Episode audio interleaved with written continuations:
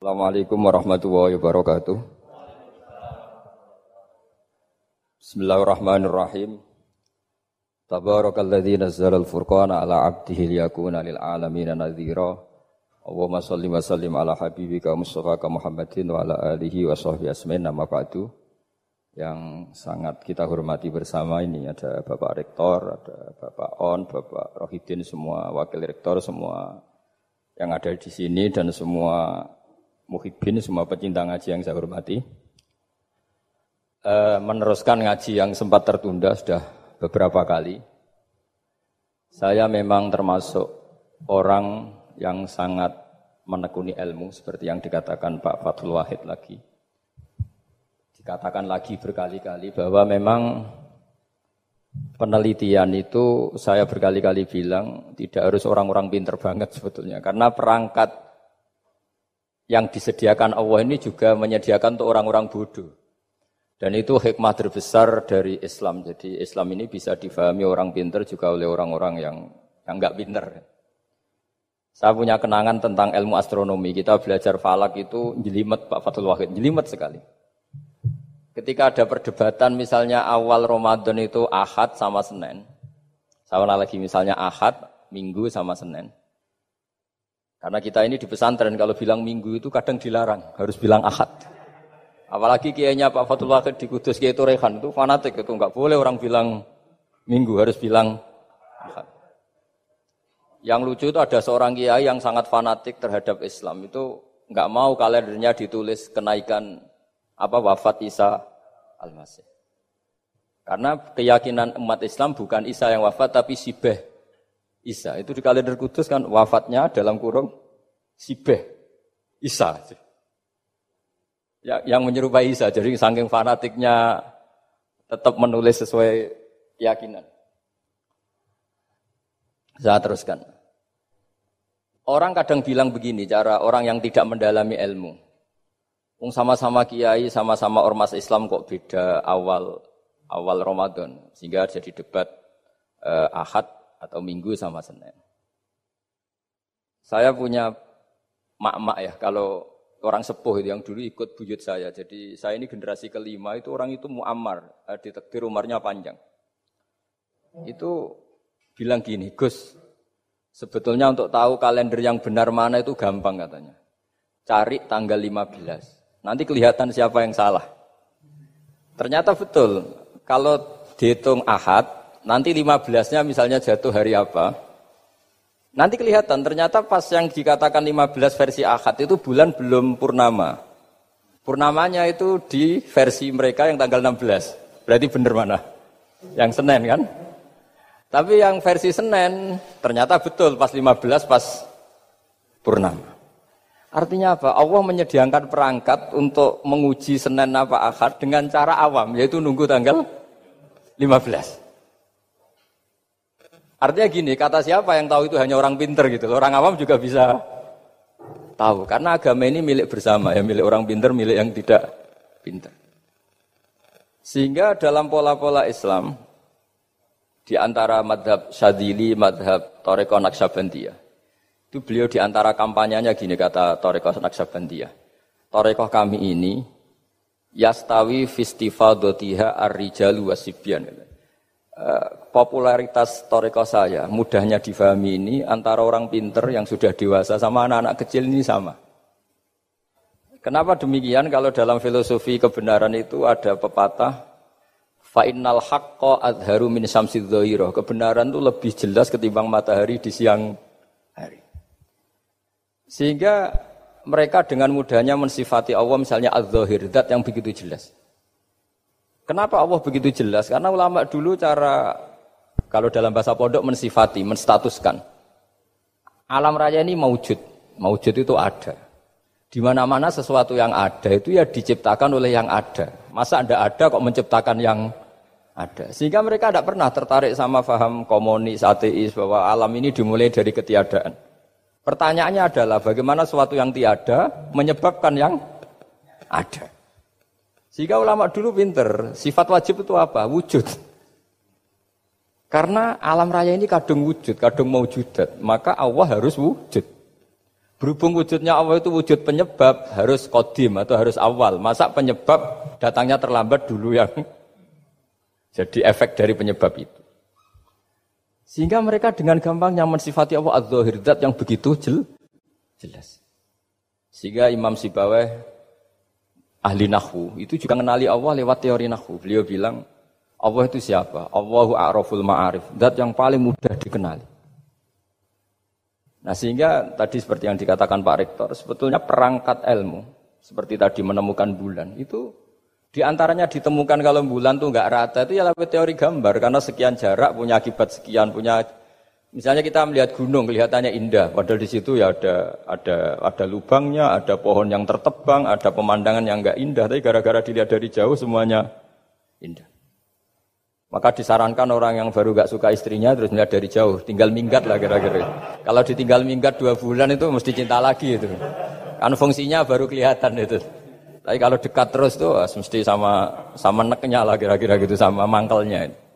Sehingga itu ya dipakai teori juga dalam silaturahim di agama terkenal ada pepatah zuruhiban tasdat hubban. Jadi ya jangan sering ketemu nanti kamu gampang cinta. Kalau sering ketemu ya gampang bosen lah kira-kira seperti itu. Nah, kemudian teori-teori awam ini dikembangkan. Yang awam, jadi dulu orang menemukan apa matahari itu besarnya kayak apa, rembulan besarnya seberapa itu dilihat setiap kita melihat mobil itu jarak satu kilo masih kelihatan sekian meter. Nanti kalau dua kilo berkurang sekian senti, kalau tiga kilo berkurang sekian senti, terus dikalikan ya kira-kira seperti itu. Kalau rembulan masih kelihatan segede itu berarti kali sekian pengurangan tadi. Terus ditemukan Makanya kita Pak Fatul Wahid yang di pesantren, yang yang memang serius, serius ngaji. Itu di situ ada ilmu falak. Itu ditemukan sebelum ada teknologi. Jadi kita tahu gerhana itu lamanya berapa, terus yang kena gerhana sisi mana, terus itu dihitung. Karena dari dulu sain ilmu itu di atas teknologi. Jadi kalau keyakinan kita di pesantren teknologi itu hanya menyumbang nggak sampai 30 persen. Jadi orang bisa menemukan pesawat misalnya itu karena melempar batu, kalau masih ada tekanan batu itu tidak akan jatuh. Padahal batu itu tidak ada mesinnya, asal ada tekanan dia tidak jatuh. Terus dihitung kecepatan berapa yang menjamin sesuai itu tidak jatuh. Hanya ditemukan pesawat, meskipun mau landing harus tetap banter karena kalau tidak banter jatuh. Itu dihitung, artinya dari sain dulu baru ditemukan teknologinya untuk gimana supaya tetap kecepatan sekian itu ketika mau landing. Nggak boleh pesawat direm. Kalau direm ya jatuh karena tadi seperti batu dilempar dia nggak jatuh ya kalau masih ada tekanan. Sehingga instrumen itu ditemukan juga di bab tauhid. Saya punya kitab namanya eh, Hasyiatut Turmusi dikarang ulama top Indonesia namanya Syekh Mahfud Aturmusi. Itu beliau cerita Imam Al-Amudi itu ulama top tapi dia itu unik, tiap ngajar santrinya itu ngajar matematika. Ngajar ilmu eksak. Terus ditanya, sampai muridnya itu ragu, ini guruku masuk surga enggak, ini kiai kok hanya ngajar matematika. Ya kira-kira ngajar, ya seperti mahasiswa jenengan kan, ini rektor masuk surga enggak ngomong teknik terus gitu loh. Tapi gurunya kayaknya enggak terima, di Udhoni santrinya itu enggak terima, karena beliau seorang wali. Murid-muridnya itu bermimpi, bermimpi ini penting saya ceritakan mungkin agak aneh di dunia kampus ya, di bab ini. Kalau dalam teori kita, Pak On itu, mimpi sama nyata melihat itu otoritatif mimpi. Ini yang agak aneh di ilmu pesantren. Jadi melihat jenengan langsung dengan mimpi itu otoritatif mimpi. Karena mimpi ru'yal mukmin dijamin oleh Rasulullah sama dengan 46 juz'un minan nubuwah. Jadi persennya itu besar sekali 46 persen dari juz'un minan nubuwah, otoritatifnya. Nah tentu tidur yang benar. Logikanya gini, kata-kata kitab-kitab menjelaskan. Orang kalau melihat langsung itu pasti terpengaruhi oleh cinta atau tidak cinta, senang atau tidak senang, sedang butuh apa enggak. Jadi kalau saya sedang butuh dengan Pak Rektor itu melihatnya dengan penuh harapan. Jadi kalau saya sakit mau mati itu senang lihat dokter karena ini harapan rektor nggak ngefek gitu kan gitu. Tapi kalau saya politikus, ngelihat ketua partai itu lebih respect ketimbang melihat dokter. Jadi gara-gara banyak kepentingan ini melihat itu nggak pernah jujur itu, nggak pernah, nggak pernah jujur. Jadi kebodohan manusia justru karena melihat itu kalau dalam teori kita. Makanya kalau dalam teori pesantren itu kebalik. Anna sunyamun wa idamatu intabahu. Manusia itu hakikatnya tidur, baru setelah mati bangun. Misalnya kita di dunia nganggap uang itu penting, harta itu penting, jabatan penting. Setelah kita mati ternyata yang paling penting itu hanya sujud. Karena kamu itu kenangan ketemu Allah terbaik itu sujud. Yang kita anggap penting di dunia semuanya tidak penting. Yang kita anggap sepele kayak sholat ternyata itu super penting. Tapi sadar itu nunggu nanti di akhirat. Ya, saya ini termasuk syukur yang sadar sebelum sampai akhirat. Jadi termasuk orang yang beruntung lah gitu. Nah, lah kenapa mimpi itu begitu penting? Karena tadi ketika orang tidur itu off semua, sistem sarafnya, sistem apanya. Yang ada hanya pengendalian Tuhan. Karena dia tidak bisa mengendalikan dirinya sendiri. Apalagi kalau tidurnya benar ya tentu pakai wudhu, terus pakai doa-doa, terus menghadap kayak mayat itulah, standar mayat itu menghadap ke kiblat kayak kayak ya kayak posisi mayat itu. Sehingga dia ada intervensi pada dirinya sendiri, ya tidak punya keinginan dari dirinya sendiri. Kamu kan nggak bisa ingin, wah tidur ingin ketemu wanita cantik kan tidak bisa nentukan gitu. Akhirnya ya benar-benar hanya milik Allah. Apalagi kalau kita bacanya benar, terus pikirannya benar. Makanya uniknya dalam Islam adalah doa mau tidur dengan wiridan setelah sholat itu ajarannya Nabi banyak mau tidur wiridan subhanallah 33, alhamdulillah 33, akbar 33 dan disempurnakan seterusnya itu. Itu ijazah Nabi kepada Sayyidah Fatimah itu untuk mau apa? Tidur. Bismika wada'tu jambi wa bismika arfa'u. Sampai doanya panjang. Allahumma aljatu zuhri ilaika. Panjang sekali doa mau tidur. Saya yakin jenengan ndak hafal dan ndak. Paling ya bismika wada'tu jambi apa? Bismika Allahumma ahyawam. Itu sebagian ustadz bilang itu doa ngaji katanya. Ada seorang ustadz saking mangkelnya, ibu sudah baca doa gaji, belum tak juara Bismika, Allahumma ayah, Bismika wa Wah itu kan doa mau tidur Pak Ustadz. Iya biasanya kalau ngaji tidur. jadi, jadi doa itu kalau itu doa mau. Akhirnya mimpi itu penting. Karena di situ manusia nggak punya nafsu, nggak punya keinginan. Sehingga yang ada itu Kata Nabi itu ada sitatun wa arba'una juz'an minan nubuwah. Sehingga dulu itu mimpi itu jadi sarana betul. Kita tahu kan cerita orang-orang dulu. Fir'aun itu kurang jahatnya, kurang kelirunya. Dia mimpi ada api dari Bani Israel yang membakar kerajaannya. Dan semua pentawilnya sepakat itu maksudnya Anda akan dihabisin kerajaan Anda oleh bayi dari Bani Israel. Begitu juga raja zaman Nabi Yusuf. Itu mimpi kalau ngalami ada tujuh sapi yang gendut dimakan oleh tujuh sapi yang kurus. Jadi mimpi itu sarana bahkan bahkan dari orang kafir. Karena ya tadi yang preman ya nggak ada premannya, yang soleh ya nggak ada solehnya, semua dikendalikan oleh Allah Taala pas tidur. Sehingga tidur ini menurut agama lebih otoritatif, asal dengan tidur yang benar.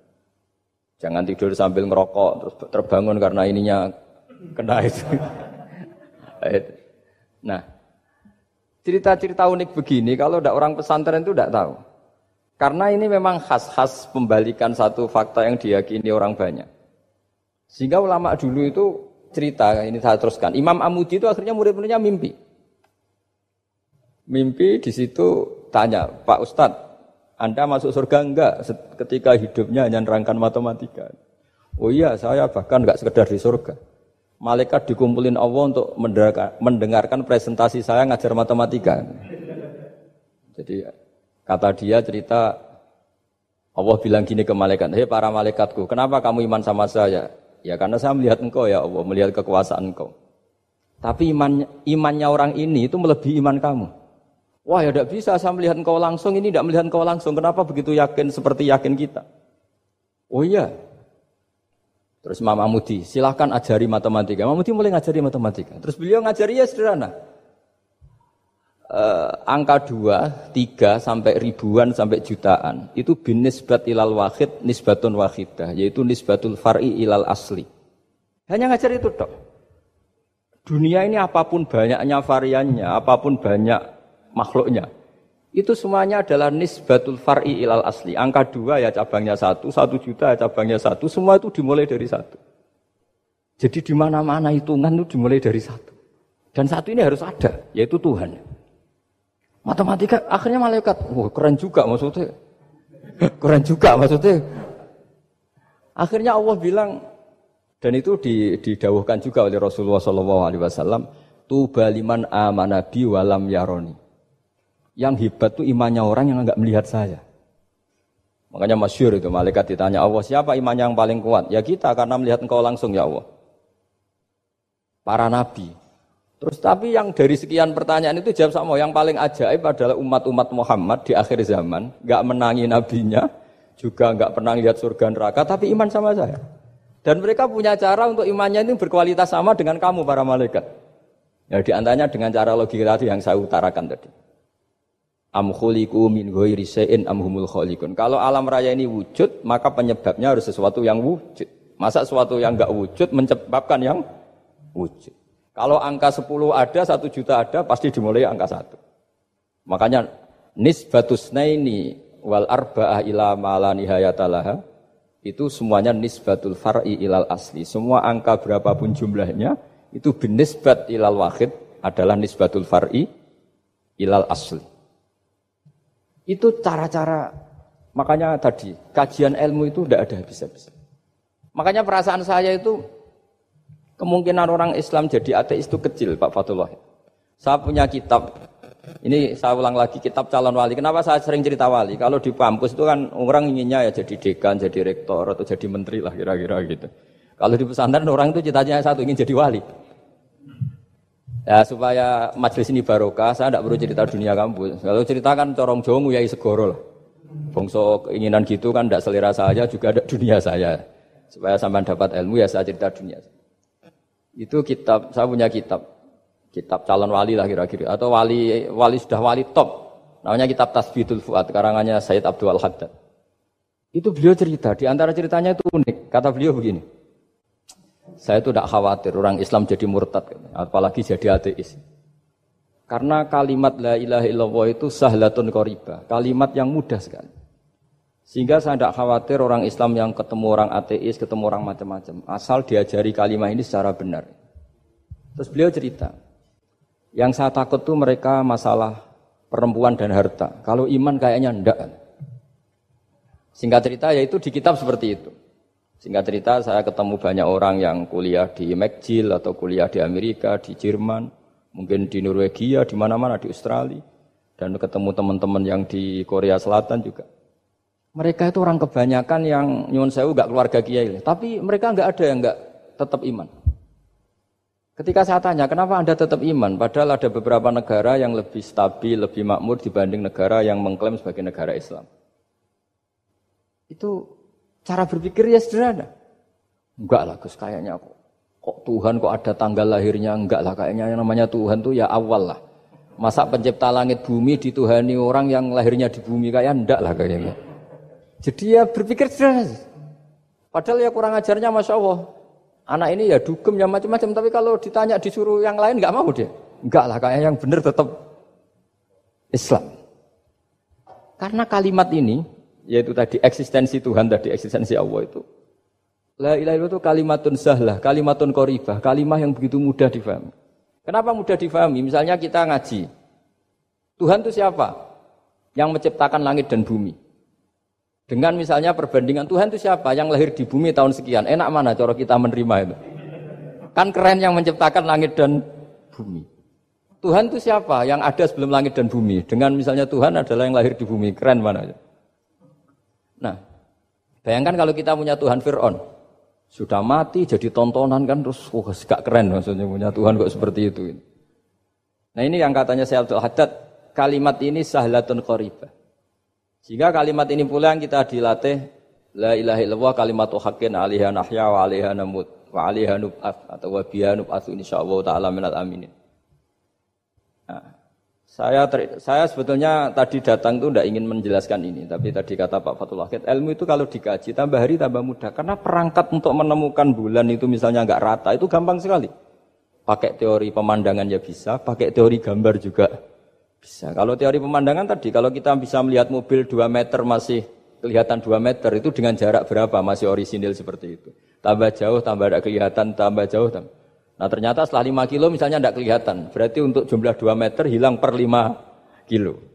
Nah berarti kalau bulan masih kelihatan segitu, berarti jarak kita dan bulan kira-kira sekian ribu kilo itu bisa dihitung, itu tanpa teknologi. Makanya sebetulnya teknologi itu nyumbang itu nggak sampai 30 persen. Yang paling banyak ya sains tadi, ya, pengetahuan itu yang kayak tadi orang menemukan pesawat itu kontribusi terbesar tetap pengetahuan. Misalnya pesawat dari bahan ini kalau kecepatan sekian kena angin pecah enggak? Tetap pengetahuan yang menopang itu. Teknologi kan paling mengantar supaya pesawat kecepatan sekian didorong mesin sekian dengan apa begitu. Nah, pesantren seperti kita ya, saya ini dididik Mbah Mun, dididik bapak saya, buyut-buyut saya, kiai. Itu sekali alim, yang alim betulan, itu ya alim betul. Ya karena memang yang repot nih saya yang yang yang agak-agak dukun itu ya ribet itu. Penting rambutnya gondrong, terus terkenal gak pernah mandi, terus Nanti ada orang tertentu tertarik minta doa. Ini yang ribet ini. Susah ini sertifikasinya susah ini karena tapi kalau kita, kita ini di pesantren yang coro sertifikasinya jelas. Jadi berani jadi Gus harus bisa baca mu'in gitu. Berani jadi kiai harus bisa baca wahab. Aturan mainnya jelas kalau di, di ini. Yang repot tuh yang yang sebagian itu aturan mainnya ada tidak jelas. Terus promosinya itu pernah datangi menteri loh. Pernah datangi, wah ya ribet kalau ukuran keren tuh didatangi apa? menteri atau pejabat. Saya teruskan ya, karena ilmu itu harus menyelamatkan kita sampai di depan Allah Subhanahu wa taala. Nah, ketika kita menyifati Allah itu az-zahir, dat yang begitu jelas. Itu kalau kita kan kok begitu jelas padahal nggak bisa dilihat terus kita sendiri tidak pernah melihat. Tapi eksistensi Tuhan sebagai Tuhan itu al-wajibil wujud itu jelas sekali karena nggak mungkin suatu yang wujud diciptakan oleh yang tidak wujud. Kenapa harus awal? Masa pencipta datangnya terlambat? Terus juga harus bakok. Bakok itu abadi atau al-akhir kalau dalam bahasa Quran. Masa zat yang superior kemudian kalah sama yang diciptakan. Berarti nanti ada kekuatan besar yang mengalahkan Tuhan. Ya kan ya aneh, kekuatan ini dalam kendalinya kemudian Allah kalah kan tidak mungkin. Makanya disebut al-akhir. Allah pasti tidak ada yang mengalahkan. Terus di antaranya lagi disebut kiamuhu binafsihi. Kalau dalam bahasa Quran disebut al-qayyum zat yang berdiri sendiri. Gak boleh Tuhan butuh yang lain. Kalau butuh yang lain berarti bergantung pada yang lain. Dan nggak usah jadi Tuhan lah kalau masih butuh yang lain. Sehingga karena kekuatan ini, saya ulang lagi, karena kekuatan ini, ketika anak-anak mahasiswa kuliah di Jerman atau di Swiss, di negara-negara yang lebih bahagia ketimbang negara yang mayoritas muslim, itu mungkin mereka tertarik sama sistem negara itu karena ada jaminan sosial ini. Tapi nggak pernah tertarik sama Tuhannya negara itu. Karena dihitung-hitung tadi Tuhannya mesti keren kita gitu. Jadi, nah ini cerita ke saya Abdul Haddad. Kata saya Abdul kamu udah usah khawatir lah umat Islam murtad atau jadi ateis gitu.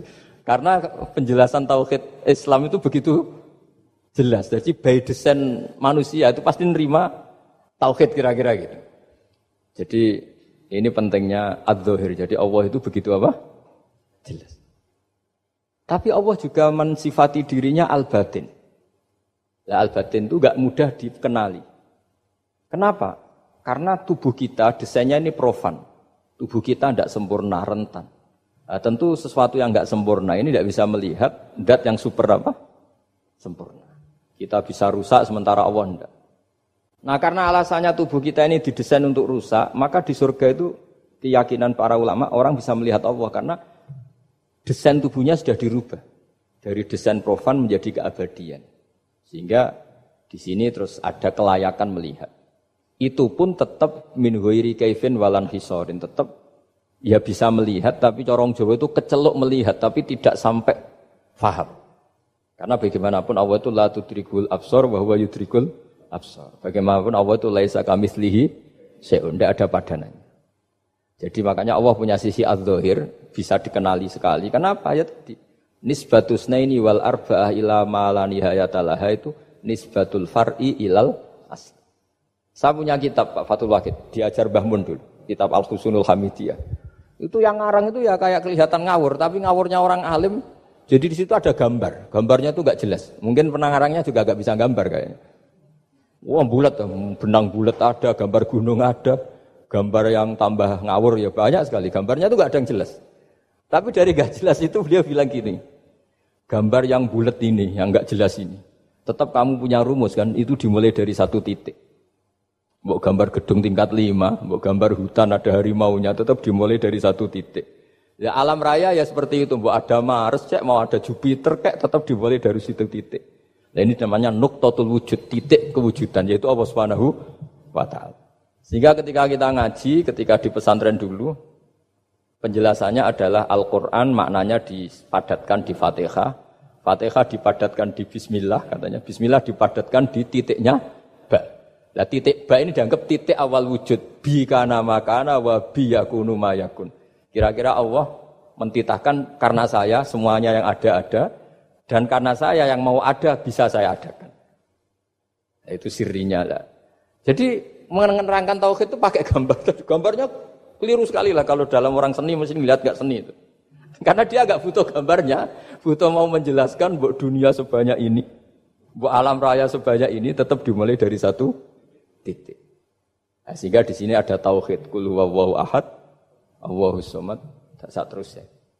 Nah, saya mohon lewat penjelasan ini ya, baik orang yang ahli teknik maupun ahli medis, ahli apa saja, tolong latihlah memberi penjelasan yang mudah. Sehingga agama ini mudah dicerna. Sehingga kalau ini dijelaskan cara mudah beragama itu jadi gampang. Makanya ciri utama agamanya orang-orang baik itu satu. Man rodiya billahi robba. Rodiya itu seneng banget. Kenapa seneng banget? Karena memang agama ini nyaman, indah. Jadi datang dengan kebenaran yang mudah dicerna. Coba kalau agama ini datang dengan cara misalnya gini, kamu harus menuhankan ini. Dan kita tahu itu lahirnya di bumi. Kan ada yang ganjel. Kok Tuhan sama buminya dulu buminya ini ini gimana ini? Kan pusing. Bu Anda profesor nggak punya, nggak bisa jawab itu. Tapi kalau Tuhan itu adalah yang ada sebelum langit dan bumi kan ya iyalah masa Tuhan terlambat datangnya kan terus enak itu menerimanya itu makanya di antara kekalahan Fir'aun berdebat ya Nabi Musa ya Nabi lah juga proses ya Nabi Musa ketika ditanya Fir'aun wama Rabbul Alamin Tuhan kamu itu siapa jawabnya Nabi Musa Rabbus Samawati wal Ardi yang menuhani langit dan bumi itu Fir'aun masih bisa ngeles saya jalan-jalan ke mana-mana, yang dituhankan saya, berarti yang Tuhan ya saya dong. Ma'alim tulakum min ilahin apa? Ghairi, kata Fir'aun. Soal Tuhan kamu di langit, begini kata Fir'aun. Haman dipanggil, Haman bikinkan piramida yang paling tinggi. Saya ingin melihat Tuhannya Musa. Musa bingung kan? Padahal kalau naik piramida nanti Fir'aun pun tidak bisa melihat Allah kan? Wong yang Nabi yang kiai aja gak bisa melihat apalagi Fir'aun. Padahal celakanya ketika dia tidak melihat Allah, dia akan mengatakan Allah itu tidak tidak ada ribet kan?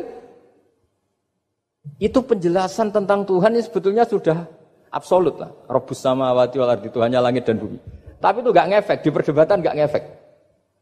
Yang ngefek adalah ketika Musa bilang gini, Robbukum wa robbu abaikumul awalin. Sing nuhani buyutem. Wah kaget pengawal. Pengawal-pengawalnya langsung doiman meskipun secara siron, secara rahasia. Iya, nah, Quran pangeran berarti buyutnya rati pangeran. Kan pangerannya putu nih, berarti buyutnya wah ribet kan? Ya kalau Fir'aun Tuhan, bapaknya tambah Tuhan kan, mbahnya, buyutnya. Akhirnya kata pengawal korban, geblek tenan Fir'aun. Artinya apa? Kadang argumentasi yang sudah benar yaitu Tuhannya langit dan bumi kan ya benar lah. Tapi itu tidak ngefek di perdebatan tidak tidak ngefek. Yang ngefek adalah ketika roh hukum Warabu abaikumul awal. Yang nuhani nenek moyang kamu. Orang mulai mikir kalau Fir'aun itu Tuhan, lalu nenek moyangnya Tuhannya siapa? Jadi ini seninya, makanya di antara syarat Nabi, jadi Nabi itu sidik, amanat, tabligh, fatona. Fatona itu ada kecerdasan. Dulu Nabi ya sering dibully, jangan kira Nabi itu enggak sering dibully, sering juga Pak Rektor. Jadi ada unta, unta itu kena kudis. Kudis itu ya jenis penyakit menular lah. Nabi dengan teori tawakalnya Nabi itu punya dua teori. Kadang pakai teori tawakalnya, kadang pakai teori preventif. Makanya Nabi pernah ngendikan kalau ada penyakit menular di situ, kamu jangan di situ. Itu pakai teori preventif. Tapi kadang Nabi pakai teori tawakal. Nabi menghentikan la adwa walati arotan. Tidak ada penyakit menular. Terus orang-orang yang ya usil lah kira-kira gitu. Ada unta kena kudis dijejerkan yang waras. Ternyata yang waras ikut ikut kudisen lah, ikut sakit. Semenang orang ini. Ya Rasulullah ini saya jejerkan ternyata yang nggak tertular jadi tertular. Padahal engkau bilang nggak ada penyakit menular. Nabi jawabnya lucu. Faman a'dal awala. Kalau yang pertama ini tertular siapa? Dia dikira Nabi itu kalah karena melihat unta yang kedua. Ternyata Nabi enggak ketika dipanggil ya Rasulullah ini unta agak gudikan tak jejerkan yang kudisen ternyata ikut kudisen. Berarti penyakit itu menular. Tapi Nabi jawabannya faman a'dal awal. Lalu yang kena penyakit pertama tertular oleh siapa? Wah itu asli dari Allah. ya maksud saya seperti itu kata. Nah itu yang dikatakan fatona. Jadi Nabi itu harus punya sifat apa? Fatona. Karena dengan kecerdasan itu Nabi bisa berargumentasi. Kayak tadi. Ketika Fir'aun dikatakan Allah yang menuhani langit dan bumi, Fir'aun masih mengklaim dia Tuhan. Karena di mana-mana dia dituhankan. Tapi ketika diingatkan bahwa kamu anak seorang manusia, punya bapak, punya kakek, punya buyut, punya canggah kalau bahasa Jawa. Lalu kalau kamu yang Tuhan, dan Tuhan dimulai Anda, lalu mbah-mbah kamu Tuhannya siapa? Gak bisa jawab kan? Akhirnya banyak punggawa yang saat itu iman. Jadi iman itu bisa menghunjam kepada siapa saja termasuk yang orang-orang topnya Fir'aun. Sehingga ketika Fir'aun rapat Musa harus dibunuh besok, tangkap besok. Sebagian mereka itu membocorkan informasi itu. Datang ke Musa, tadi malam kita ikut rapat, keputusannya ada dibunuh, maka larilah kamu. Itu barokahnya iman. Artinya ya karena logika Musa lebih masuk akal, ya mereka lebih percaya sama Musa. Tapi gara-gara profesi ya tetap kerja, dan yang mulai ribet tuh ya mulai ribet, ya mulai ribet jadi makanya kamu jangan tanya Kaifa hukmul mukmin sing yukhfi imanahu? Bagaimana hukumnya orang mukmin yang menyembunyikan imannya demi aman? Ya tidak usah kamu jawab. Kalau kamu jawab boleh ini kok kayak pecundang. Kalau kamu jawab haram pernah terjadi itu. Wa qala rajulun mu'minum min ali fir'auna yaktumu iman. Ini khazanah ya. Jadi saya mohon eh, mengkaji Islam itu harus dengan sisi-sisi yang bisa difahami orang pinter juga orang bodoh. Kata kata Imam Ghazali banyak itu. Karena hadatin itu harus difahami orang pinter juga orang bodoh. Terus contoh yang paling populer tentu sering saya utarakan masalah iddah. Iddahnya orang terceraikan itu tiga kali masa suci. Kalau menurut Abu Hanifah tiga kali masa haid. Orang pinter tahulah kalau perempuan sedang haid, menstruasi pasti sedang tidak hamil. Sehingga kalau dia sudah haid tiga kali ada kepastian tidak hamil. Kalau tidak hamil artinya apa? nggak ada sperma dari zaut awal suami pertama yang jadi anak dia. Padahal tujuan itu adalah nanti kalau di hubungan suami istri sama suami kedua jelas anaknya suami kedua. Tapi kalau anda kan ada ida kan malam hubungan suami istri pagi bentrok cerai terus kawin kumpul suami istri lagi terus nanti anaknya itu anaknya siapa kan nggak jelas. Kalau sampean bisa klaim lewat DNA, DNA juga mungkin secara ilmu objektif Pak Rektor. Masalahnya juga bisa disuap kan? Saya sering dibantah orang-orang itu. Wah Gus DNA itu otoritatif karena gini-gini gak mungkin bohong kamu. Ya DNA-nya gak bohong, pegawainya bisa di suap kan? Kayak gak tahu gak tahu manusia apa gak tahu Indonesia gak tahu terus. itu yang sensitif itu yang mulai wilayah sensitif itu. Gak kayak gak tahu manusia apa kayak gak tahu Indonesia. Manusia aja ya sudah. Berarti anda sangat nasionalis. Jadi ribet kan? Maka dianjurkan ada iddah. Dengan iddah selesai berarti benar-benar perempuan ini baru atur rohmi, rahimnya steril dari unsur mani, zaut, awal. Dan kalau tiga kali masa suci itu artinya apa? Kira-kira tiga bulan. Kira-kira ya. Wal mutallaqatu yatarabbas nabi anfusina salah satu apa? Huru. Pertanyaannya kalau tiga bulan, andai kan tidak pakai teori ilmiah, menstruasi itu sudah teori ilmiah. Ada yang tanya ke saya, Gus kenapa tidak harus sampai tiga kali, padahal menstruasi pertama pasti sudah tidak hamil. Saya jawab, menstruasi pertama itu namanya keluar darah. Nggak ada jaminan kali itu head, bisa saja keluar darah karena kaget, karena kecelakaan, karena apa. Sehingga kalau misalnya perempuan diceraikan, Gus saya sudah head. Yang jamin kalau itu head siapa? Maksudnya keluar darah dengan makna tidak hamil. Bisa saja keluar darah kali ini faktor kaget ya atau faktor kecelakaan. Tapi kalau sampai tiga bulan karena per bulan head sekali, itu meskipun headnya keliru, head keliru itu misalnya sebetulnya itu enggak darah head tapi darah penyakit istiqatoh. Kan tetap kelihatan. Masa tiga bulan gak blending joro? Kan mesti bentuknya tubuh sudah rubah. Artinya kata ulama-ulama, agama ini gak bisa hanya mengacu ilmu. Kalau mengacu ilmu haid sekali sudah cukup. Tapi kenapa harus tiga kali? Karena tiga kali orang awam tahu semua kalau itu sedang hamil atau tidak hamil. Tiga bulan dari dicerai kan kelihatan kalau hamil ya bentuk tubuhnya sudah rubah, kalau enggak intinya Agama ini harus agama yang mudah difahami orang pinter, juga difahami orang yang tidak pinter. Kayak tadi bulan tadi. Saya juga gak ngira kalau orang goblok jadi pinter. Jadi ini ini cerita ya. Jadi supaya kita meskipun di lembaga kampus, di lembaga modern, jangan lupa tradisi-tradisi kebodohan ya diabadikan lah kira-kira. Karena bodoh itu kadang ya penting. Makanya kalau di, cerita di dunia wali itu kaca, Anda boleh gak nerima cerita ini, tapi Anda harus percaya kalau kekuasaan Allah itu tidak terbatas. Kenapa orang Madura begitu mencintai Kiai? Sebetulnya niatnya ya agak agak-agak agak baik, tapi ya baik, nggak baik tapi baik. Ada santri itu Madura, dia saking percaya sama Kiai itu ya khidmah, bikin teh, masakan Kiai, mijitin Kiai, pokoknya waktunya diberikan semua untuk Kiai. Dan dia nggak pernah ikut ujian, apalagi ujian kelulusan apa disertasi dokter nggak pernah. Kalau sekolah nggak pernah ikut ujian. Sudah ya saya ridho jadi orang bodoh, sementing ikut jenengan. Suatu saat orang ini mati, kiainya tuh pusing, waduh mati. Ini di dalam alam mimpi itu, kamu boleh gak percaya, nggak wajib percaya memang. Ini kan ada akidah, jadi tidak wajib percaya. Ditanya sama malaikat, marab buka, Tuhan kamu siapa? Jawabannya lucu, malaikat kamu itu gimana? Di mana-mana tanya eh, sama orang pinter, orang bodoh kok kamu tanya. Pusing kan malaikatnya. Di mana-mana namanya tanya, itu ya sama orang pinter. Masa orang bodoh ditanya? Yang bener aja kamu. Makanya bodoh ini ya senjata. Makanya ini kita kalau pinter ya alhamdulillah, kalau bodoh ya alhamdulillah karena bodoh itu penting.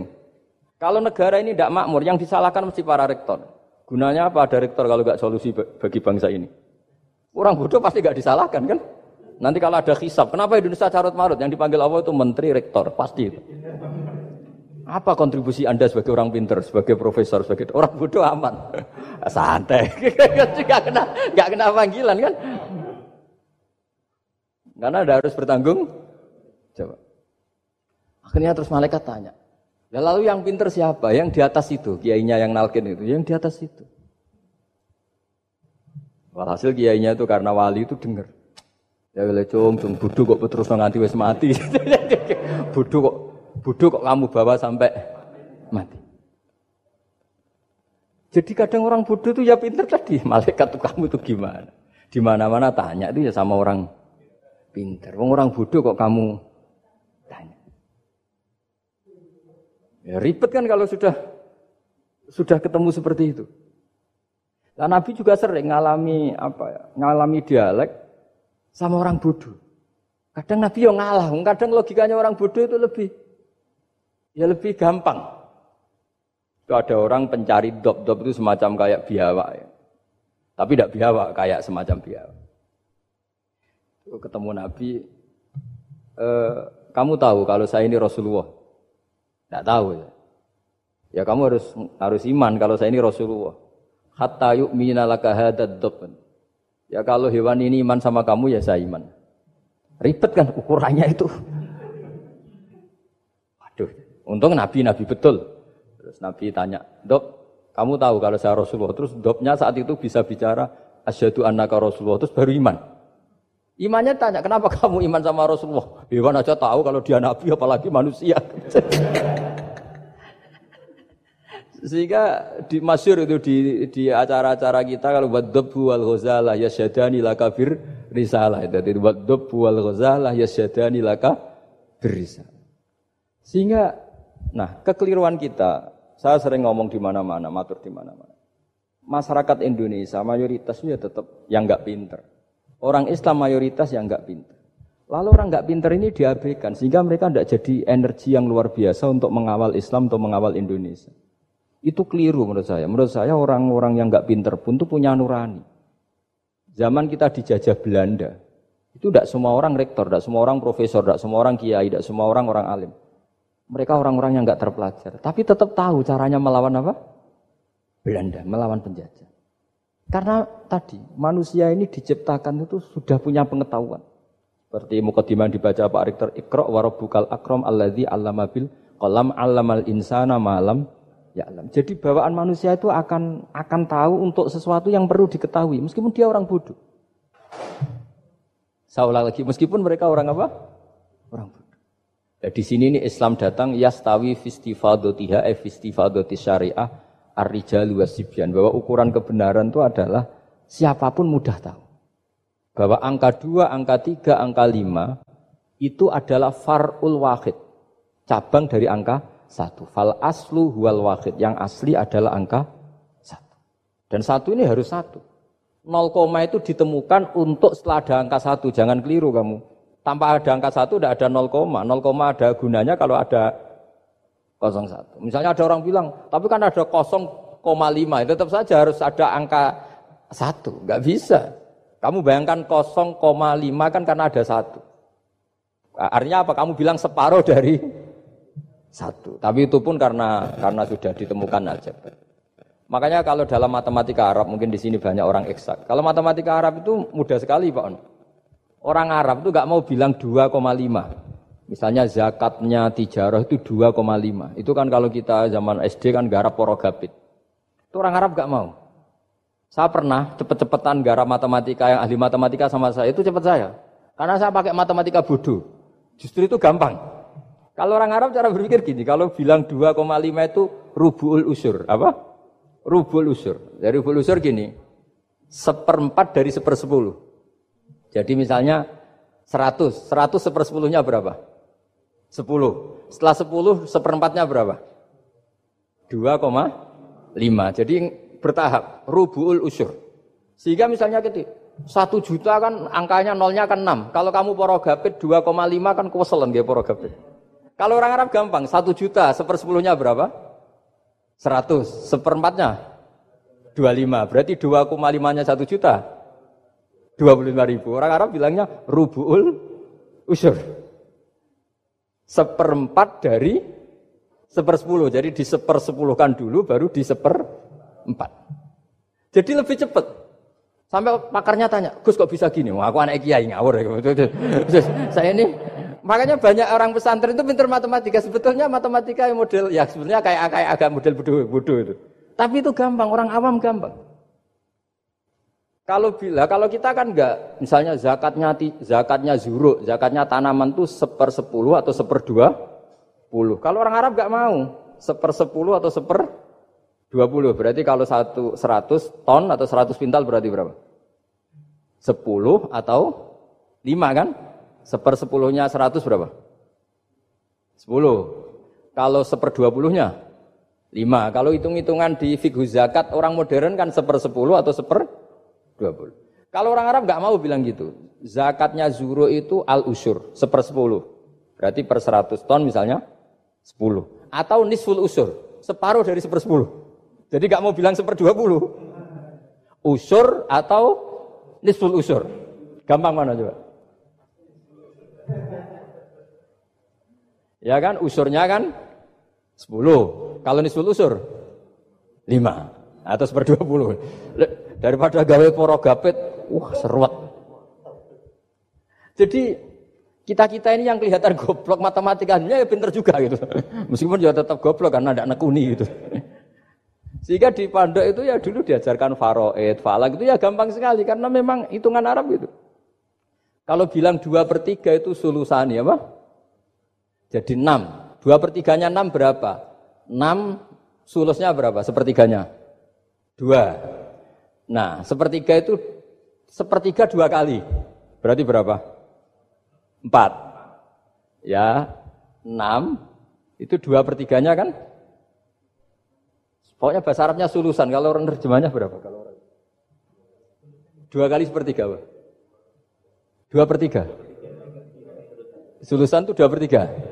Nah, itu kalau orang Arab bilang nggak dua per tiga, sulusani. Sepertiga dua kali. Jadi enam di sepertiga dulu dua. Nah dua itu dua kali. Berarti berapa? Empat. Jadi itu. Nah Quran itu ya kira-kira gitu. Jadi Kelihatannya goblok, tapi itu pinter itu. Yang porogabit kelihatannya pinter, tapi tidak pinter. Ukuran orang pinter yang mempermudah yang sulit. Jangan mempersulit yang mudah kan itu. Makanya saya bilang ini yang pinter yang mana itu.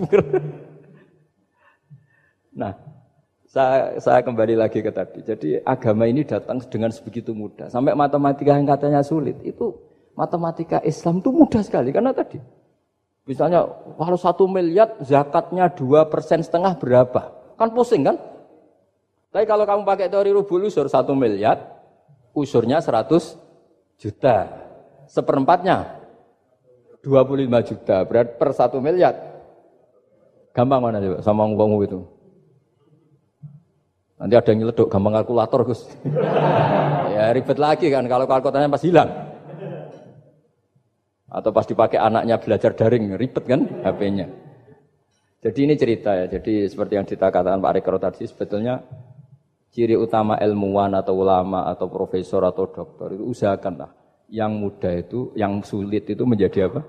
Mudah. Yuridu wa bikumul yusra wa la yuridu bikumul usra. Sehingga kata Imam Alamudi, dia menjadi wali besar itu justru karena belajar tauhid.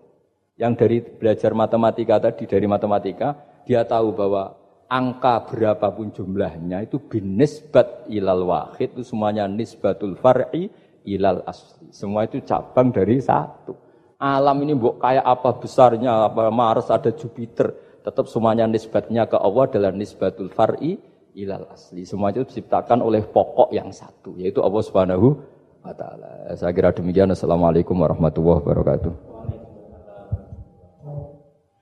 Disampaikan terima kasih wa jazakumullahu khairan. Ibu Bapak yang kami hormati, ajar selanjutnya adalah sesi tanya jawab. E, di sini kami akan membuka tiga penanya, baik dari daring maupun luring. Namun di sini saya akan mohon izin Ustaz ada titipan dari dosen UI, namun saya sampaikan di akhir nanti. Uh, akan kami buka dua penanya dari daring dan satu dari luring. Mungkin dari Bapak ada yang bertanya? Satu? Dua? Oh, baik.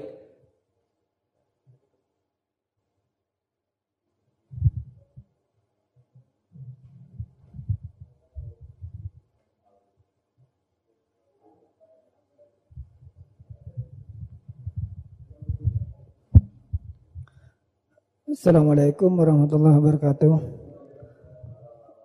Mohon berkenan Gus, saya mau bertanya karena saya bodoh akan bertanya kepada yang pintar ini.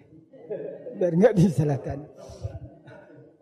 Uh, mana ya langsung ke pertanyaan lebih penting mana antara pintar dengan cerdas? Karena uh, ada anekdot Madura itu. Ya karena karena orang Madura kan terkenal anekdotnya ya. Uh, pada suatu saat di sekolah SD itu ada uh, upacara, kemudian ada uh, di anekdot itu ada menteri yang menanyakan kepada salah satu guru bahwa tiang bendera ini berapa uh, tingginya. Oleh guru itu manggil murid untuk naik ke tiang bendera itu untuk mengukur tingginya tiang bendera itu. Kemudian sama uh, seorang pejabat itu ditegur, kenapa susah-susah dinaikin anu tiang bendera itu? Enggak ditidurkan aja biar tidak um, mengundang bahaya.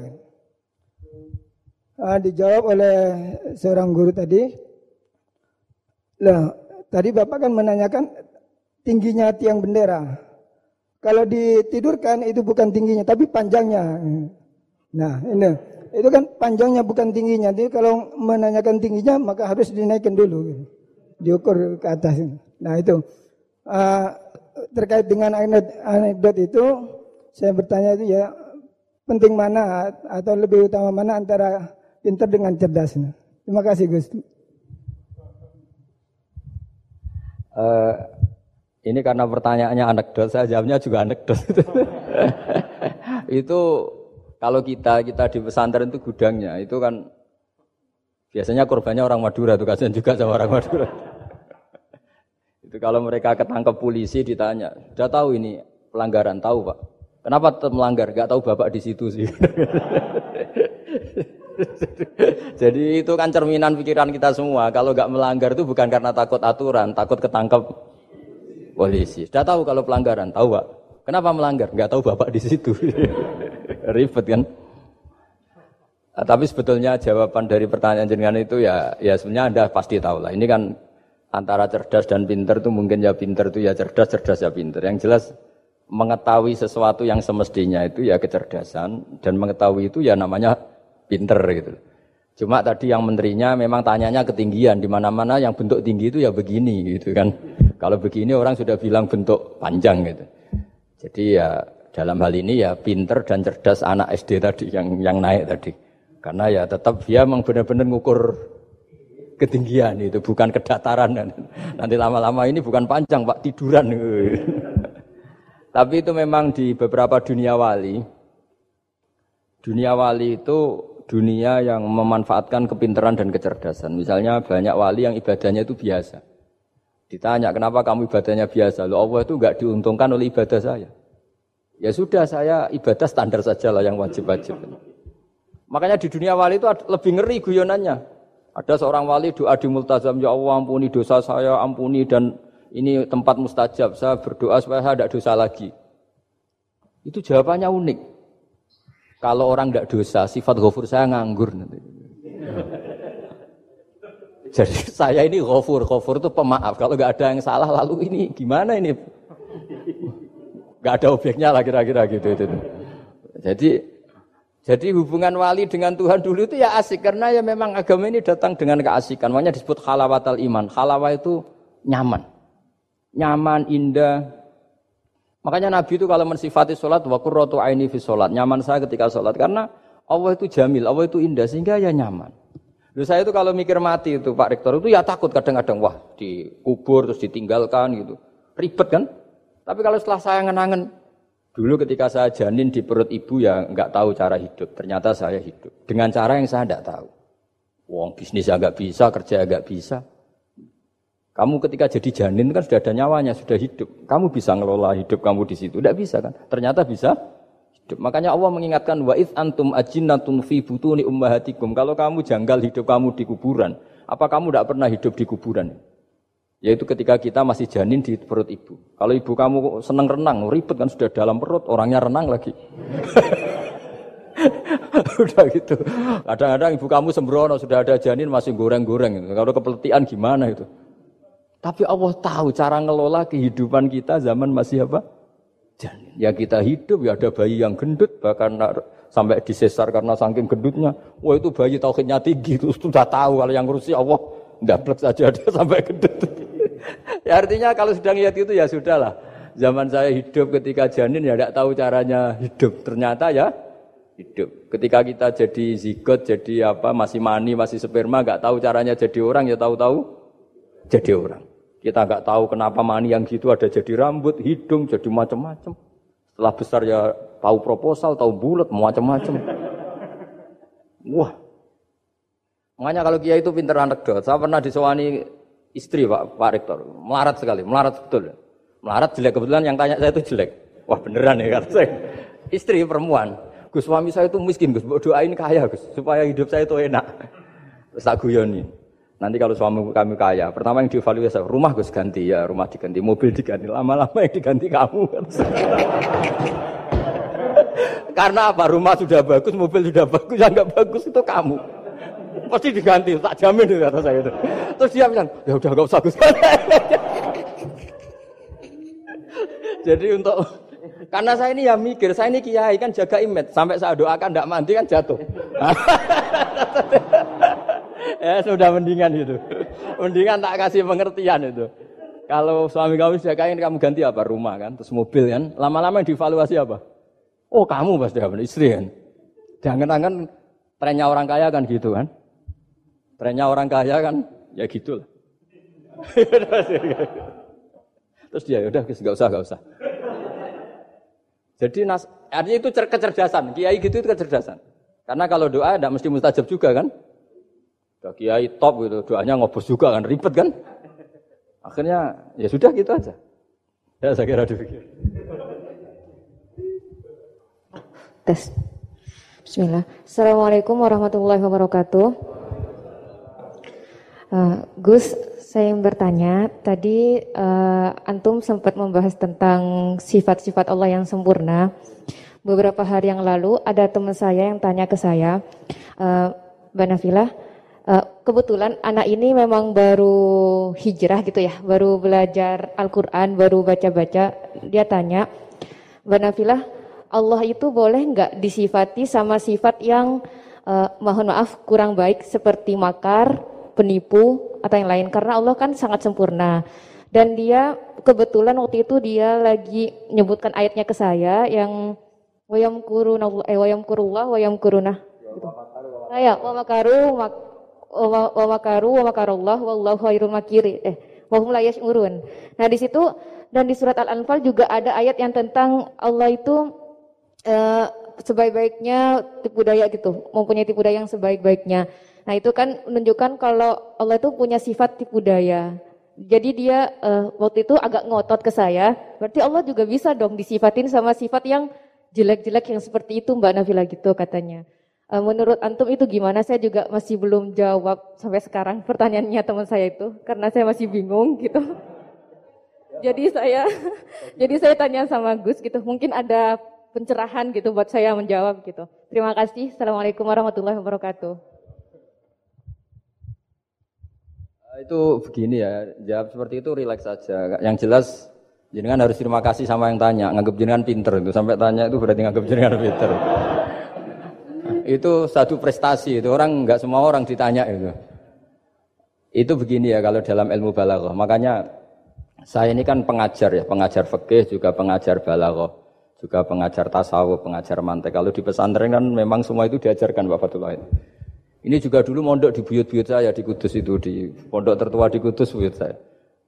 Makanya hormat saya itu bukan karena beliau punya etika, memang aturannya harus hormat. Gitu. saya juga harus hormat beliau karena beliau rektor ya sudahlah saling menghormati. Bapak itu kalau sama penanya itu hormat ditanya, dia sudah sopan. Jadi kita harus menghormati orang sopan. Yang tanya hormat ke kita karena kita ada alim, kita hormat sama penanya karena orang sopan. Mau tanya itu juga gengsi loh. Masa dokter tanya itu kan ribet kan? Saya kemarin ditawani di Unisula, masuk dikasih dokter honoris causa. Kenapa Gus gak mau? Saya takut kalau masuk neraka, masa dokter masuk neraka karena saya. kan ya tidak lucu juga itu. Akhirnya dokter-dokter itu, iya Gus, saya udah pernah kepikiran. Akhirnya mereka terus mau do takwa, udah Gus kita harus takwa kan malu dokter kok masuk neraka. oh begini jawabnya ya. Semua ilmu itu harus kita pelajari karena melihat sisi ekstrimnya, sisi buruknya. Ya saya ulang lagi ya. Ilmu itu harus Anda pelajari karena melihat sisi ekstrimnya, sisi buruknya kalau kita tidak tahu. Sehingga dengan cara itu kita tahu, tahu secara serius. Misalnya nikah sekali gak sah kategorinya zina. Kenapa kenapa anak angkat dilarang oleh Islam? Ulang, kenapa anak angkat dilarang oleh Islam? Kalau mau baik baik saja, tapi gak perlu ada anak angkat. Karena apa? Sekali perempuan ini tadi ditulis misalnya binti Fathul Wahid, binti Bahauddin. Itu nanti di KUA itu dikira itu walinya. Padahal hakikatnya tidak tidak walinya. Maka enggak. Nah, ketika ini menikahkan nikahnya sah enggak? Enggak kan? Karena dinikahkan oleh orang yang hakikatnya tidak walinya itu satu. Sisi ekstrim kedua adalah ini ini nyata pernah terjadi. Anak ini kuliah terus pacaran. Ternyata pacaran sama kakak kandungnya. Jadi itu ceritanya ada anak dari Bojonegoro di anak angkat sama orang Jakarta. Singkat cerita sama-sama dewasa kuliah. Sampai pacaran, sampai mau kawin. Nah pas mau kawin itu yang lamar adalah Pak D-nya. Pak D yang Bojonegoro datang ke Jakarta. Terus dia ngetik, ini kok rumah yang dulu saya titipin ponaan saya. Ternyata itu adik kandung. Karena si adiknya tadi pakai binti langsung yang Jakarta. Sehingga anak Bojonegoro perasaannya pacaran sama anak Jakarta. Nah, di sini kelihatan betapa hebatnya Islam ketika benar-benar melarang anak angkat dengan makna menasabkan. Kalau dengan makna kasih sayang nggak apa-apa ya, tapi kalau dengan makna menasabkan nggak boleh. Paham ya? Karena ada sisi ekstrim nanti bahayanya tadi. Nah, terus, nah ilmu balaghah juga gitu. Di antara ilmu sisi ekstrimnya ilmu balaghah adalah kalau kamu tidak memahami balaghah, maka kamu akan mengatakan Quran ini bohong. Karena kamu tidak tahu tasbih itu apa. Terus misalnya gini, Allah memaklumatkan di Quran bahwa orang kafir itu sumum bukmun umyun. Sumun artinya itu budak, apa ketuli. Bukmun artinya bisu. Umyun artinya buta.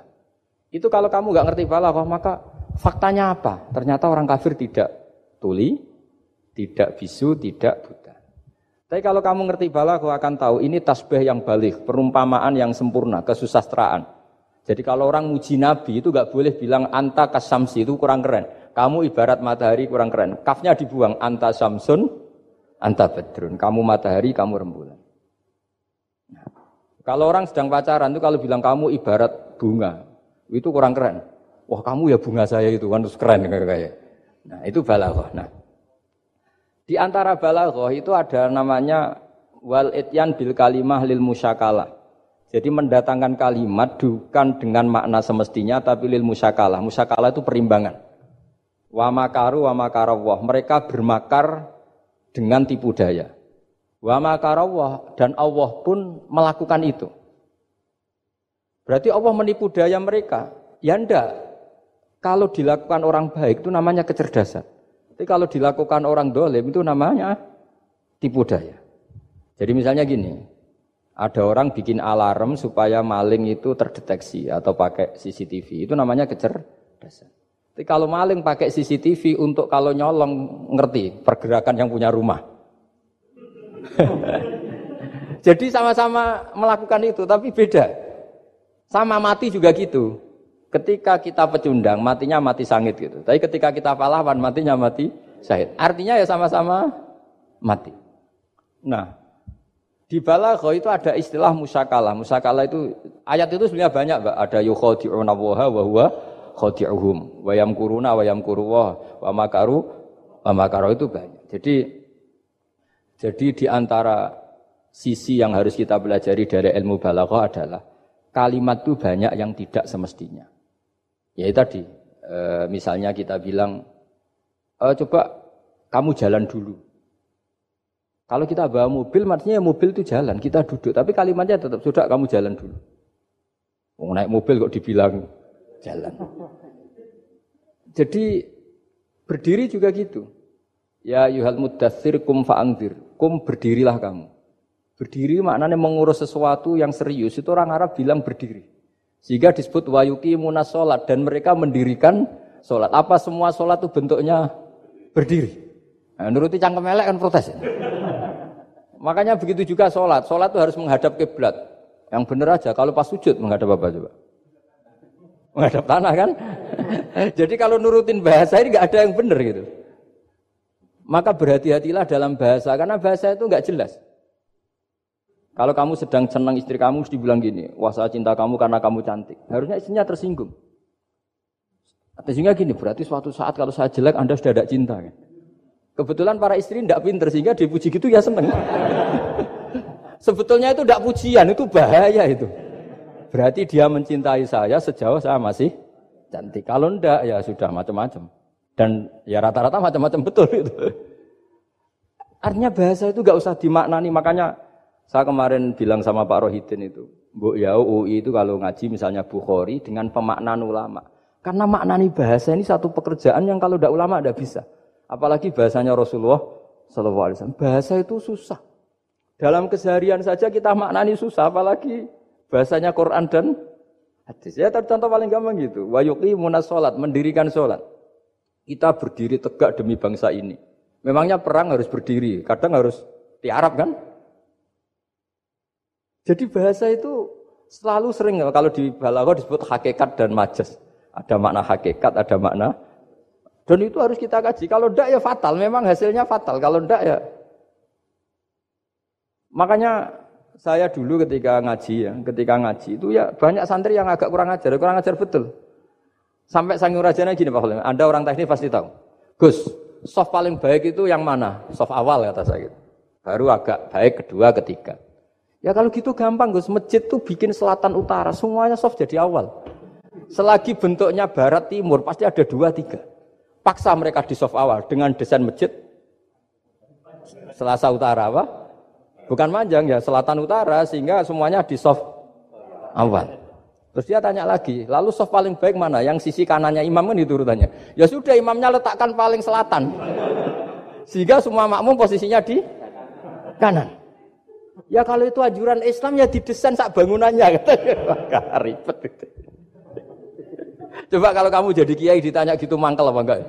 Wah ini kurang ajar betul orang ini. selagi bangunannya memungkinkan soft 2, 3, pasti nanti ada soft 2 dan dipaksa saja, yaitu tadi bangunannya memanjang selatan utara, imamnya diletakkan paling selatan. Terus saya gantian tanya, lalu setelah begitu yang paling afdol siapa? Yang paling dekat? Ya sudah imamnya kerubuti saja. Gitu. Itu, nah makanya yang sering perdebatan NU dan Muhammadiyah dan itu kalau mau dianalisis secara ilmiah sebetulnya normal semua. Karena teks hadis itu memang butuh pemaknaan. Nabi, saya beritahu ya, Nabi itu kalau habis sholat, itu memang di semua teks itu akbala ali Nabi wajib. Saya sering ketemu tokoh-tokoh Muhammadiyah ya baik-baik saja. Ketemu tokoh NU ya baik-baik saja. Karena ini masalah teks. Saya ulang lagi, karena Rasulullah Shallallahu Alaihi Wasallam idan sorofa min sholatihi akbala ali Nabi wajib. Nabi setelah sholat itu menghadap ke musolli, ke makmum. Kira-kira kalau Indonesia menghadap ke timur. Tapi di sebagian riwayat, Nabi itu kalau habis sholat itu melakukan sesuatu yang menunjukkan kalau dia sudah selesai sholat. Jadi filosofinya itu yang penting memaklumatkan kalau beliau sudah sholat. Karena dulu itu begini, Nabi itu kan tokoh sentral ya, beliau akromul kholki, beliau sayyidul ambiya wal mursalin. Sehingga orang tuh kadang lari itu dari jarak 7 kilo, 6 kilo, 7 kilo lari supaya menangi sholat bersama Nabi. Nah, Ketika mereka jadi posisi masbuk, masbuk itu tertinggal oleh imam. Kalau Nabi posisi tetap menghadap ke barat dengan posisi orang sholat, nanti yang baru datang ngira Nabi masih sholat. Dan kalau kadung makmum, ternyata Nabi sudah selesai. Itu sholatnya namanya nggak sah. Karena apa? Mengikuti orang yang hakikatnya sudah ada sholat. Terus semenjak itu jadi ilmu. Maka kesunatan bagi imam setelah salam harus memaklumatkan kehadirin kalau sholatnya selesai. Itu bisa dengan gerakan menghadap ke makmum atau menghadap ke utara atau apalah pokoknya yang penting jangan rokokan lah misalnya itu. ya pokoknya itu itu aja di sarah-sarah ini cerita cerita pendapat ulama bukan pendapat saya. Jadi segampang itu ulama. Sehingga ya orang-orang yang alim dari kelompok Muhammadiyah yang lihat NU yang begitu ya biasa, yang alim melihat Muhammadiyah gitu ya biasa. Karena kita ini masalah teks. Apa? Masalah teks. Tek itu mesti orang akan memaknai secara proporsional. Saya berkali-kali menyontohkan kemarin ngaji di Ulil Albab. Wa ma min amin illa wa yukhayyalu taksis. Tidak ada kalimat umum kecuali terbayang khususnya. Enggak boleh kalimat selalu umum. Misalnya saya contoh paling gampang itu tadi.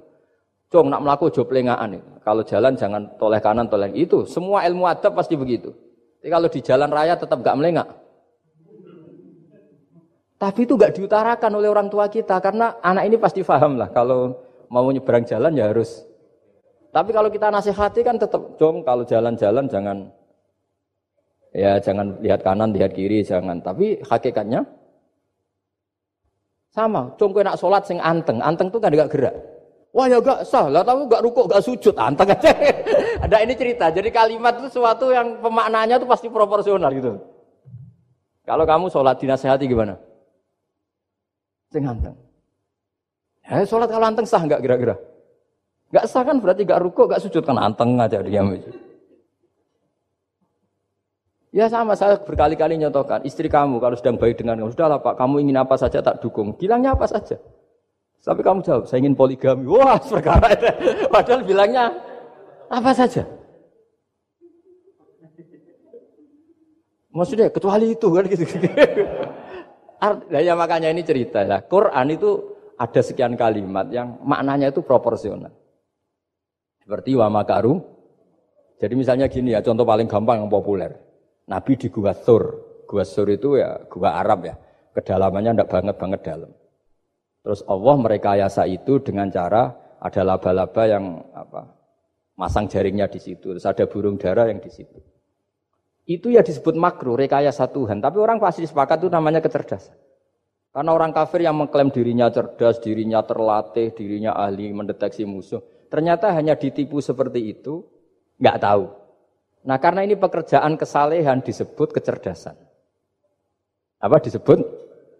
Tapi andekan sebaliknya nyun sewu, ada orang lari dari kejahatan, terus mereka rekayasa seperti itu disebut rekayasa karena bentuknya kejahatan. Jadi ada sesuatu yang sama, tapi ketika dilakukan orang soleh itu baik, karena nanti itu disebut kecerdasan. Kalau dilakukan orang dolim itu buruk karena itu disebut rekayasa. Ya kira-kira seperti itu. Baik, uh, mohon izin satu lagi Ustaz dari komentar YouTube uh, dari Bapak Kristiano Sulistianto. Uh, Gus, bagaimana dengan orang bodoh yang dijadikan sebagai pemimpin? Bagaimana dengan pertanggungjawabannya? Sekian. Uh, begini ya, kalau bodoh dengan makna kita kita ini kan biasa mengkaji Quran ya, terutama kita yang di pesantren, yang dosen VAI atau siapa saja yang nekuni ilmu Quran. Ada sisi manusia itu punya sifat permanen yang oleh Allah disebut wakanal insanu doluman jahula. Manusia itu banget bodohnya kata Allah. Sudah banget bodohnya, banget dolimnya. Jika kita bilang bodoh itu sebetulnya bukan ngenyak ya. Ya memang manusia mau tidak mau harus harus bodoh lah. Teorinya gampang, yang perlu diketahui itu kan banyak. Toh kita harus dititipi ilmu hanya sedikit. Dari yang banyak tahu sedikit itu namanya apa coba? Bodoh kan? Jadi sifat bodoh itu tidak perlu kita hindari-hindari banget. Buk kita sudah alim, sudah alama, sudah apalah, tetap ada saja yang kita tidak tahu kan. Lalu pertanyaannya gimana kalau orang bodoh itu mimpin? Bodoh apa? Kalau bodoh tentang uang ya bagus. Makanya Nabi pernah ngintikan aksaru ahlil jannah al bulhu. Nanti penduduk surga terbanyak itu orang-orang bodoh. Misalnya ada rektor, menteri, pejabat, nggak pernah korupsi. Itu teman-temannya bilang pinter apa bodoh? Teman yang kroni itu. Bilang apa? Bodoh kan, oh punya kesempatan, oh diambil. Itu namanya bodoh. Tapi kalau malaikat bilang ini pinter gitu, karena bisa mengendalikan apa? Nafsu. Ya, makanya kalau pertanyaannya gimana hukumnya orang bodoh yang mimpin? Bodoh apa? Kalau bodoh cara mimpin ya memang keliru betul. Wong bodoh cara mimpin kok tetap mimpin. Tapi kalau dia bodoh, nggak tahu caranya korupsi, nggak tahu caranya selingkuh, nggak tahu caranya nggak bener, ya itu ya pinter itu. Karena Nabi itu yang unik kadang muji itu aksaru ahlil jannah al bulhu masyur hadis itu. Kebanyakan penduduk surga itu orang-orang bodoh. Sampai Mbah Mun tuh kalau guyon, Mbah Mun tuh kalau guyon ya lebih guyon dibanding jenengan. Kata Mbah Mun gini, Aku iku sakake, suar wargane wong-wong bodho, sakake. Kenaan malaikat. Kan di surga itu orang akan dikasih sesuai keinginannya. Wong desa-desa itu taunya makan enak kan jadah, terus udu gitu.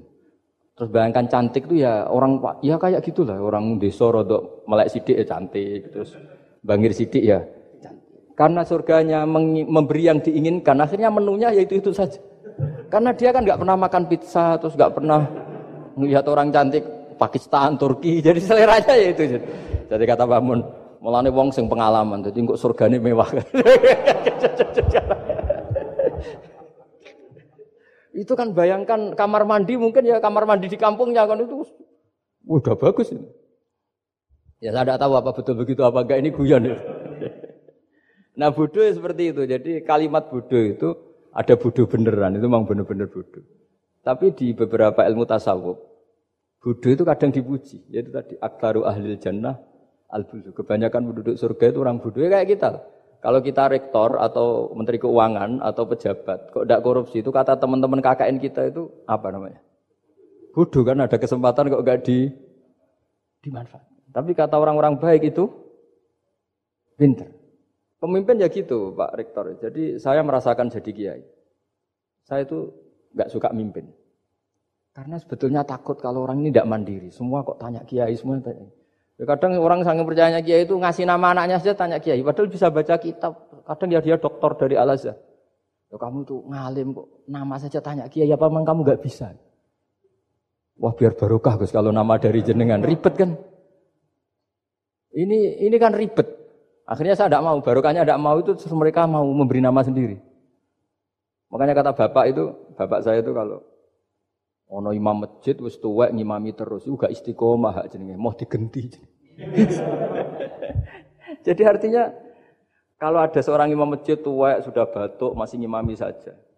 Di satu sisi itu pinter ya, di mana-mana kalau ada yang tua sama yang muda ya didahulukan yang tua. Tapi kalau pertanyaannya itu kalau di bab adab. Tapi kalau nanti temanya regenerasi, ini tersangka enggak? Ya saya ulang lagi ya, ada imam tua, sudah batuk-batuk. Kalau temanya akhlak dibenarkan. Di mana-mana kalau ada yang tua yang jadi imam ya, tua. Tapi kalau temanya regenerasi, tersangka kan dia. Nah ini lainnya gimana ini kok enggak regenerasi? Artinya gini, makanya saya bilang kalimat bodoh, bodoh beneran apa bodoh yang relatif nisbi. Jadi manusia itu seperti itu. Makanya disebut wakanal insanu zaluman jahulah. Wong di bab adab dia benar jadi imam, tapi kalau babnya regenerasi. Makanya kalau jadi pemimpin berkali-kali, makanya benar Indonesia dibatasin dua periode. Harusnya kalau teori pengalaman, benar mana presiden ketiga sama kedua? Benar ketiga kan lebih punya pengalaman. Tapi kalau dibalik, pakai teori regenerasi, memangnya orang Indonesia hanya dia tok yang bisa jadi presiden tapi kalau pertanyaannya, yang belum pernah jadi presiden sama yang pernah jadi presiden, kira-kira mimpinnya tahu mana? Ya kalau ya, yang manusia itu bisa dibolak balik gitu.